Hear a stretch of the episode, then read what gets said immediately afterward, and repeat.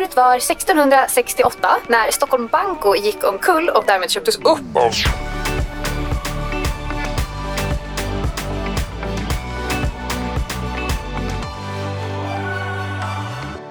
Hej Micke. Hej Anna, du lyssnar på Outsiders. Med Syding och Svan. Hur mycket måste man sänka räntan för att stimulera ekonomin för att eh, neutralisera effekterna av ett kärnvapenkrig? Frågar åt en kompis. Heter han Stefan Ingves? Mm. Nej, men det går inte. Det går inte att stimulera en död häst. Är ekonomin död så är den. Vad är då det mest centrala som finns här i världen? Jag misstänker att du har någon typ av pann här. Så okej okay då. Eh, pengar? Var finns det pengar? Banker? Vilken bank är mest central av alla banker? Fy fan vad dåligt.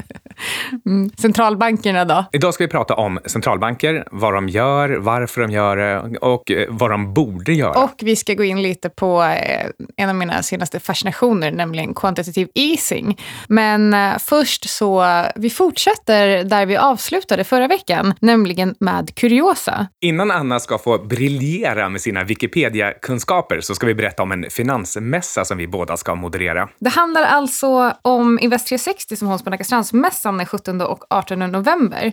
Och all information om mässan hittar ni på www.360invest.se. Bland föredragshållarna så finns eh, Blackrock, Pepins, Erik Hansén på IG, ädelmetallföretaget eh, Pacific Fonder, Tessin, Brummer Life, Diamond Invest, Trine, Calora och eh, Kavastu. Yes, och det finns såklart många andra på plats, eh, men vi får berätta lite mer om dem eh, senare. Men framför allt så är ju du och jag där, eller hur Micke? Ja, och du ska väl hålla ett eget föredrag också och då, då får jag moderera ensam. Det stämmer. Jag ska alltså tillsammans med Maria Mäl snacka lite hållbarhet och eh, machine learning. Så vill du ha inspiration och kunskap om andra investeringar än bara aktier, och det vill du ju för att det är faktiskt exakt därför du lyssnar på Outsiders, så är det alltså 360 invest.se du ska kolla in. Biljetterna kostar 250 kronor nu eller 300 kronor sen. Så hashtag sparad krona med andra ord.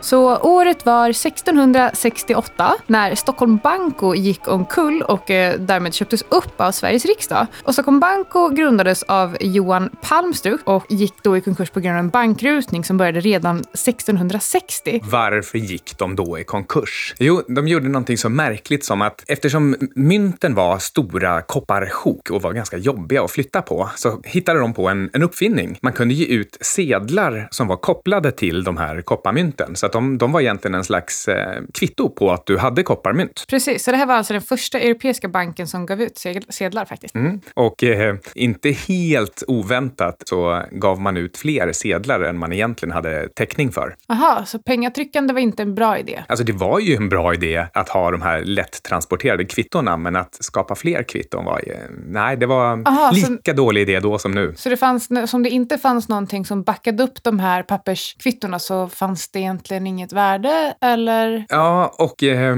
och dessutom så ökade risken för banken. För Mm. tänk om kunderna ville ha sina kopparmynt. Men nu är det väl anno- annorlunda, eller hur? Nej, för nu har vi haft Ben Bernanke bland annat. Som, och han, han har läst på och skrivit en uppsats. Alan Greenspan faktiskt också, hade också ett ganska dåligt finger med i spelet. Ja, och de har alla, alla kommit på att eh, det där som eh, Palmstruch och Banco gjorde, det var ju det bästa någonsin. Exakt. Och det roliga här då, eller det var kanske inte så roligt, men eh, Johan Palmstruch blev, eh, han blev dömd till dödsstraff som han sen blev benådad från år 1670. Men han är alltså då personen som har typ indirekt, direkt grundat Sveriges riksbank. Mm, Tycker jag är lite roligt. Ja, så för att sammanfatta, han blev alltså dömd till dödsstraff. För misskötsel av bank. Ja, alltså han blev dömd till dödsstraff för exakt det som alla centralbanker idag gör mest av allt av. Oh, the irony. Okej, men eh, kanske lite mer kuriosa som är ändå lite mer aktuell. Det var alltså Sveriges riksbanks historia. Världens äldsta riksbank firade ganska nyligen 350 år. Men eh, för att gå in på kanske världens viktigaste centralbank. The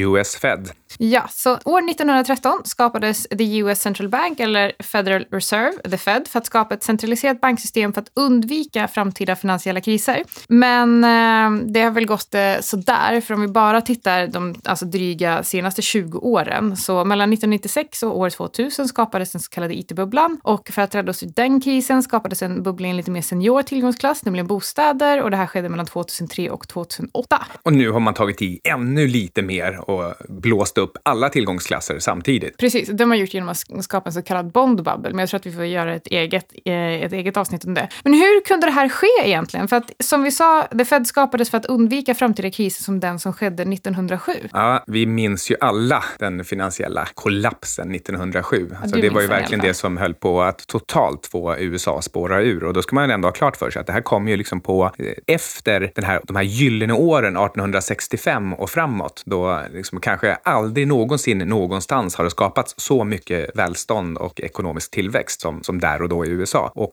1907 så kom det då en, en krasch och det här blev, det blev så tufft att man eh, ja, var tvungen att hitta på någonting nytt. Och då blev det en centralbank som, eh, som därmed skulle kunna rädda banker som eh, höll på att gå omkull. Precis, så, så hör, hör vad vi säger här. Tidigare då kunde ba- banker faktiskt gå i konkurs. Tidigare kunde stater gå i konkurs. Det kan vi inte, så funkar det inte riktigt nu heller. Så eh, om en bank inte hade några pengar, då kunde de gå till centralbanken så kunde de få lite pengar. Enkelt förklarat. Ja, precis. Att man, man får tillfälligt ett stöd som smörjer upp systemet. Och, eh, och, och då, då när hjulen snurrar igen, då får man faktiskt ändå ta ansvar för om man har en bra affär eller inte. Det var i alla fall själva grundtanken.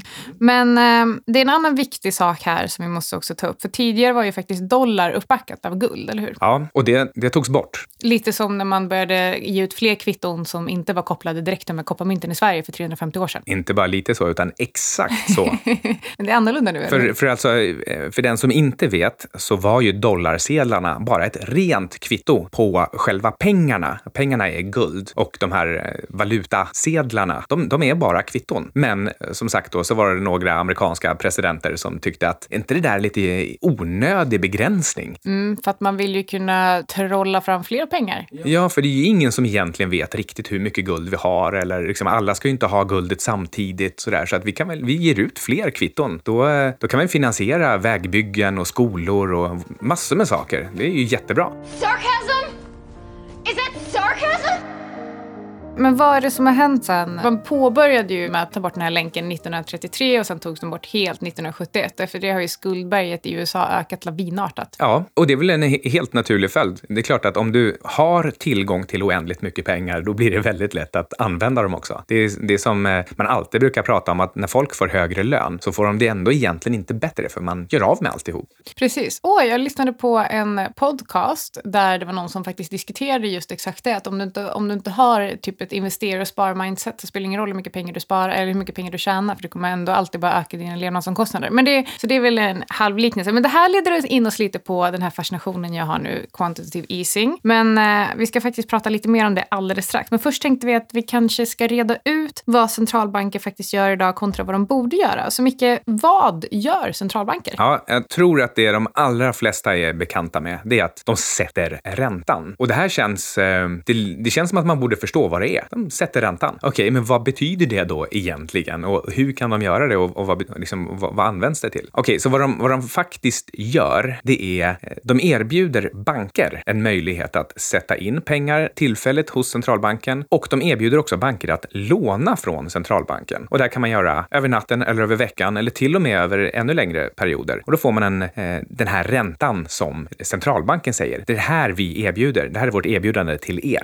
Varför kan då inte bankerna handla med varandra istället, kan man tycka? Ja. Och så skulle de, då skulle ju en naturlig ränta uppstå som eh, består av hur mycket överskott eller underskott enskilda banker har. Exakt, men, men syftet här är ju att eh, tillhandahålla tillräckligt med inte för mycket valuta för att ge någon form av smörjmedel men samtidigt inflationsskydd. Ja, eh, det är väl det som är, är grundtanken. Alltså vi, har, vi har pratat förut om pengar och inflation och, och eh, man vill, tydligen så vill centralbankerna att penningmängden ska ökas i precis en sån takt så att inflationen är ungefär 2% Och det vill de för då kan löner och priser öka med 2% varje år, vilket gör att löntagare känner att de får löneförhöjningar. Så man ljuger. Ja, ja, ja. Det är själva grundprincipen bakom politik, all politik. Men det är också fantastiskt då, det har vi nämnt innan, men om bostadspriser ökar mycket, mycket mer men inte räknas in i, ehm, eh, in i KPI och så tycker folk att de tjänar mer pengar för att de får 2% mer i lön per år samtidigt samtidigt som fastighetspriser stiger med kanske 10% per år och så undrar folk varför det är svårt att köpa bostäder. Och sen så kan man ifrågasätta då, men hur kommer det sig att man inte höjer räntan? Nej, men det går inte att höja räntan för att då har folk inte råd att betala sina bostadslån.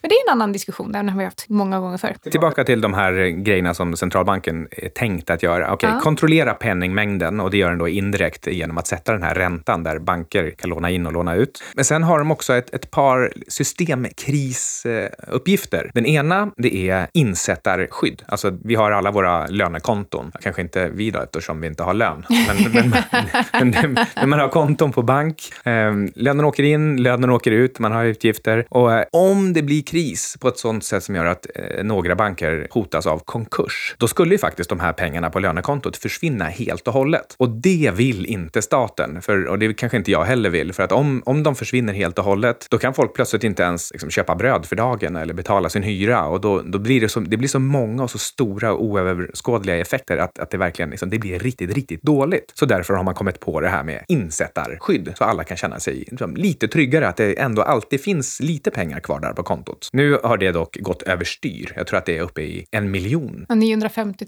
000 kronor. Ja, precis. Jag, jag tror att det är just 100 000 euro. Så just Ja. nu kanske det, äh, det kanske är lokala regler, så att det är 950 000 ändå. ja, lite oklart. Mm. Men det är ju en helt enorm summa. Eh, alltså, skulle du fråga mig så är det så att insätta, insättarskyddet borde vara ungefär en halv median månadslön. Jag har för mig när jag läste i eh, när jag läste The Everything Bubble, The Endgame for Central Bank Policy, att eh, pengar som omfattas av insättarskyddet i USA, eh, det överstiger de fakti den faktiska likviditet som bankerna har totalt. Så att bankerna, även om du har, även om du har någon form av insättningsskydd på dina pengar i USA så finns det inte tillräckligt mycket pengar för att ta ut de pengarna som du faktiskt har rätt till. Ja, nej, det det låter, Att, verkligen, det, det, det är också lite skitsnack. För att eh, det enda som kommer hända sen är att man skapar någon typ av omreglering om det skulle behövas. För det är så man har gjort tidigare. Ja, fast eh, centralbankerna kommer säga att här, ja, de här pengarna finns här. Vi garanterar det. Det här är, det här är liksom era pengar. Så insättarskyddet är liksom garanterat av centralbanken. Jo, jo, jo jag ja. förstår, jag förstår. Men hur ska de lösa det då sen när pengarna faktiskt inte existerar? Ska de trycka mer pengar då? Nej, men man kan ändå hålla dem digitala. Man måste inte få ut dem Ja. i, i sedlar. Men det är inte så stabilt. Nej, nej, alltså hela, hela själva grejen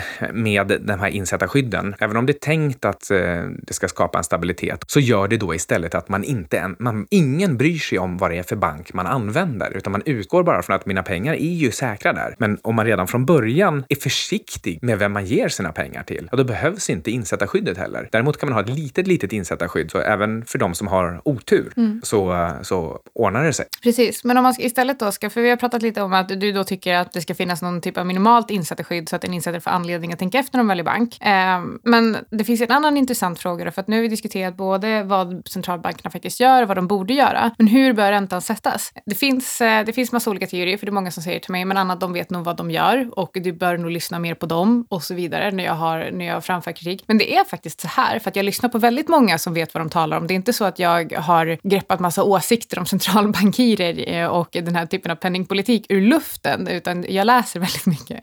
Så eh, det bör, räntan bör ligga i linje med ett lands ekonomiska tillväxt, för att annars så ger man bort pengar. Eh, så har du ränta som är lägre än ekonomins tillväxt, så han, Ja, men då kan man göra någon slags gratis. arbitrage. Ja, Precis. exakt. Det blir en typ av arbitrage. Om du, om du har en ränta som kanske är på minus en halv procent samtidigt som den ekonomiska tillväxten är på 3 procent, då kan du ju väldigt enkelt låna pengar och sen investera det egentligen i någon typ av statsobligation eller någon typ av liksom, företagsobligation eller i princip vad som helst. Och så kan du vara tämligen säker på att avkastningen överstiger räntan på det lånet som du har tagit. Och då blir ett arbitrage. Ehm, så Ja, och då gör det att folk, eh, Folk lånar lånar mer, mer än de egentligen har intresse av. Exakt. Och sen sätter man det i vad som helst och då, och då, och då blir det just vad som helst. Och då, det, det här kallas då för malinvestment, att det, Ja. det slutar med att man eh, slänger bort pengar på dåliga projekt. Precis. Ehm, och det ska vi nog säkert prata om lite mer i senare avsnitt för att vi har insett att det kommer bli många centralbanksavsnitt här framöver. Ja, men men hur, hur borde då räntan egentligen sättas? Alltså,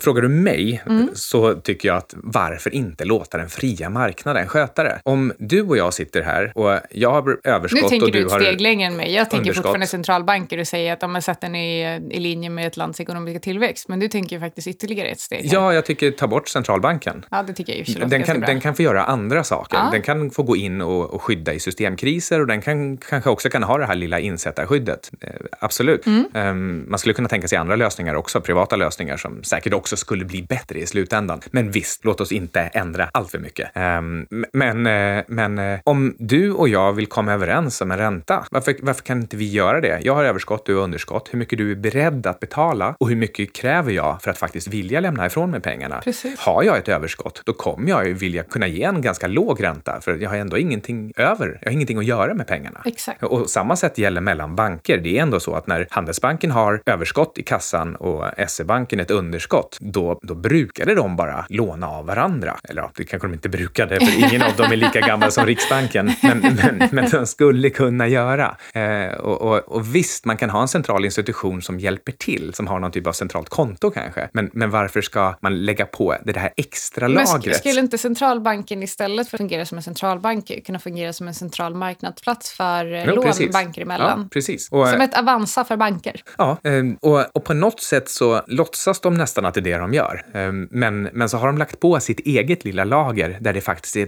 de som står för alltihop och säger vi lovar att ni får låna av oss för en halv procent och vi lovar att ni får låna in till minus en halv procent. Men eh, nu för att uh, gå in då på det roligaste jag vet i hela världen, höll jag på att säga. jag är inte världens roligaste flickvän just nu. Men QE eller quantitative easing. Och det här är alltså ett sätt för centralbankerna att stimulera ekonomin genom att köpa obligationer från företag och staten. Nu får inte centralbanker köpa obligationer direkt från staten, men jag kommer in på snart hur de löser det. Så när efterfrågan på de här obligationerna ökar så blir räntan lägre och det här signalerar att det är enklare att få finansiering för nya lån. Och det här leder i sin tur till att företag och stater lånar mer pengar eftersom att det är billigt och ekonomin tuffar på. Och det här låter väl jättebra, eller hur Micke? Ja, tuffa på, låter bra. Billiga pengar, låter bra. Liksom det, om, om du kan låna billigt så kan du investera mer, då får du mer tillväxt. Tuff, tuff. Tuff, tuff. Men eh, två saker är ganska viktiga att ta med sig här. För det första så leder det här till att krediterna blir högre. Det är inte så bra. Eh, och eh, sen så står man i ett sånt läge då att ens en liten räntehöjning blir extremt kännbar för de som har lånat pengar. Och det är precis det här vi ser privatsidan just nu. Många har lånat till bostäder, många har lånat till dyra bostäder. Och eh, de, många skulle förmodligen inte ha råd att bo kvar om vi skulle se en höj, räntehöjning till, på, alltså till 3 5 procent. Och det andra då som faktiskt är ännu värre är att i och med att centralbanken faktiskt inte får köpa statsobligationer direkt från staten eftersom att det hade varit att typ trycka pengar direkt. Man får inte trycka pengar hur som helst. Det här löser de på ett väldigt, väldigt bra, eller inte, väldigt ineffektivt och dyrt sätt. Så att istället köps statsobligationer upp av så kallade primary dealers som köper upp statsobligationerna med syfte att sälja dessa vidare med pålagda avgifter. Och de här primary dealers, det är alltså typ ofta storbankerna. Alltså bankerna köper statsobligationer, lägger på en avgift och säljer dessa vidare till centralbanken. Bankerna har alltså fått, alltså en, en liten grupp banker, de har fått eh, ett slags mandat att trycka pengar åt sig själva, alltså trycka vinst. Och det är för att komma runt den här lagen som faktiskt säger att staten inte får trycka pengar åt sig själv. Så, så då istället säger man, men mina kompisar, alfa, beta, z,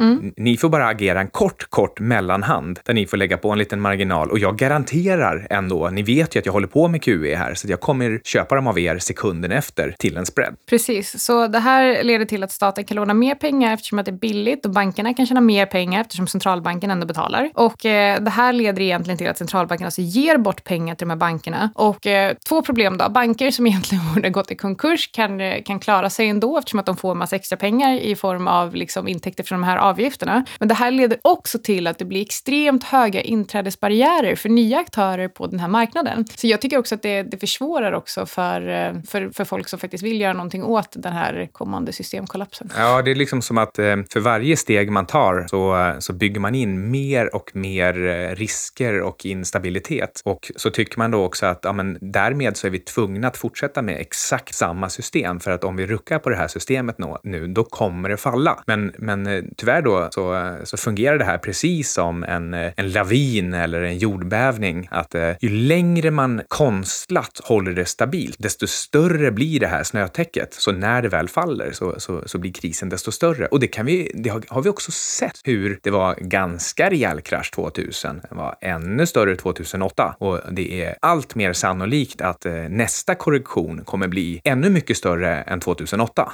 Men det jag tycker är lite intressant då, för om man slår upp quantitative easing, för nu är det ju faktiskt så att jag söker information från olika källor och läser inte bara kritik mot centralbanker för att jag vill inte liksom bara elda på min confirmation bias, även om det inte är confirmation bias if I'm right. Men eh, de menar alltså då, de som är för den här typen av, eh, den här typen av grejer, så menar de att det här kallas för att minska systemrisk systemrisk i banksystemet. Men det enda det egentligen, så här, ja, på kort sikt så minskar det systemrisk i banksystemet. Eller det minskar, minskar inte ens systemrisk, det bara minskar eh, sannolikheten att eh, vi ser den här risken imorgon. Ja, precis. Så, vi Så det, är väldigt, så det är stor skillnad på de två sakerna. Precis, så det finns ett litet pedagogiskt problem här. Alltså både när vi pratar om att det ska vara ett lågt eller inget insättarskydd. Vi tycker liksom att eh, banker ska tillåtas att gå i konkurs. Så, och, och ändå så påstår vi då att det här ska leda till mindre risk och bättre stabilitet över tid. Eh, och, och- det gör det också, men, men det är lite svårt att få fram budskapet när allt folk hör är att men varför ska min bank gå i konkurs just nu? Så det är inte så himla lätt med penningpolitik, men det är framförallt lite extra svårt eftersom att man har eh, satt, eh, satt eh, det penningpolitiska systemet och banksystemet i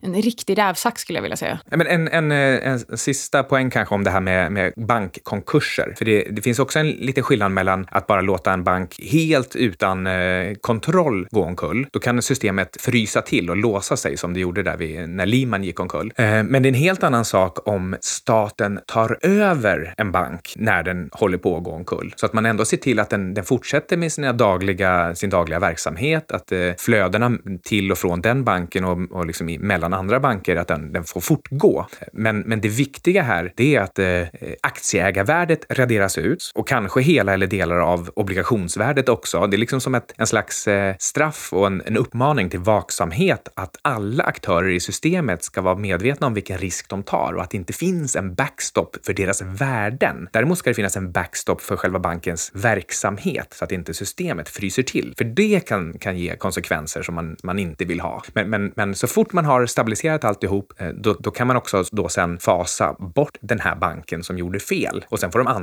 klarar sig själva. Well,